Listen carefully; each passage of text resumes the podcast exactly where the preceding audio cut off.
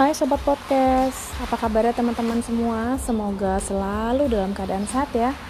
Kali ini kita sudah sampai di episode ke-16 Masih di tantangan 30 hari bersuara dari thepodcaster.id Kali ini dengan topik mudik.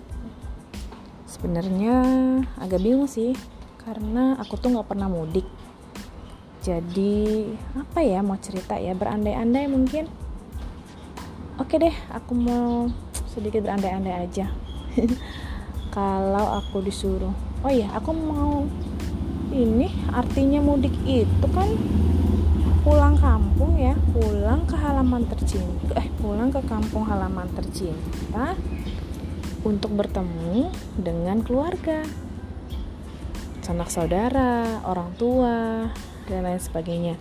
Kebetulan karena aku tuh nggak pernah mudik, dan kebetulan seluruh keluarga besarku juga ada di sini yaitu di Lampung.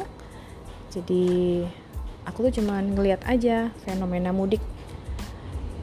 Seru sih sebenarnya ngeliat saudara-saudara yang pulang dari perantauan kumpul ketemu kangen gitu juga sih. Aku aku ngerasain sih fenomena mudik itu. Kalau sudah momen-momen uh, lebaran kemudian libur panjang hmm, pasti deh rame. Tapi agak sedih semenjak COVID yang sudah mau berjalan setahun ini memang merubah segalanya. Tapi menurutku tak apa-apa sih. Jadi istilahnya mudik yang tertunda. Bukan rindu yang tertunda loh.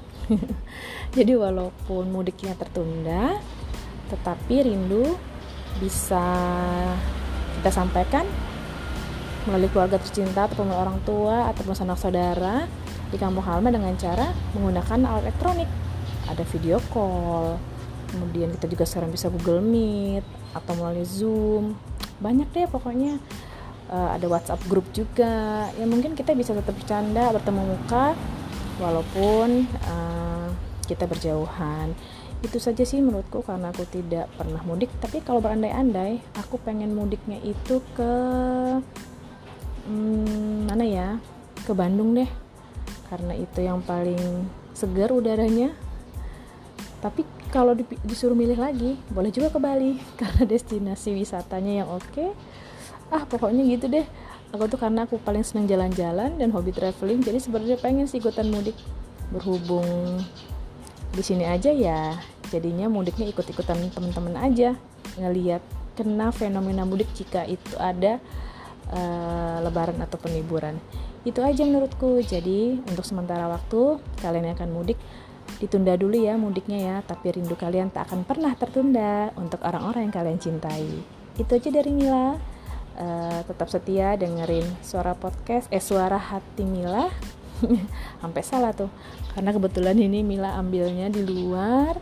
Uh, lagi hujan di Bandar Lampung jadi sambil agak gini-ginian gitu deh oke deh salam sayang selalu dari Mila Semoga Sokes tetap mendengarkan suara hati Mila.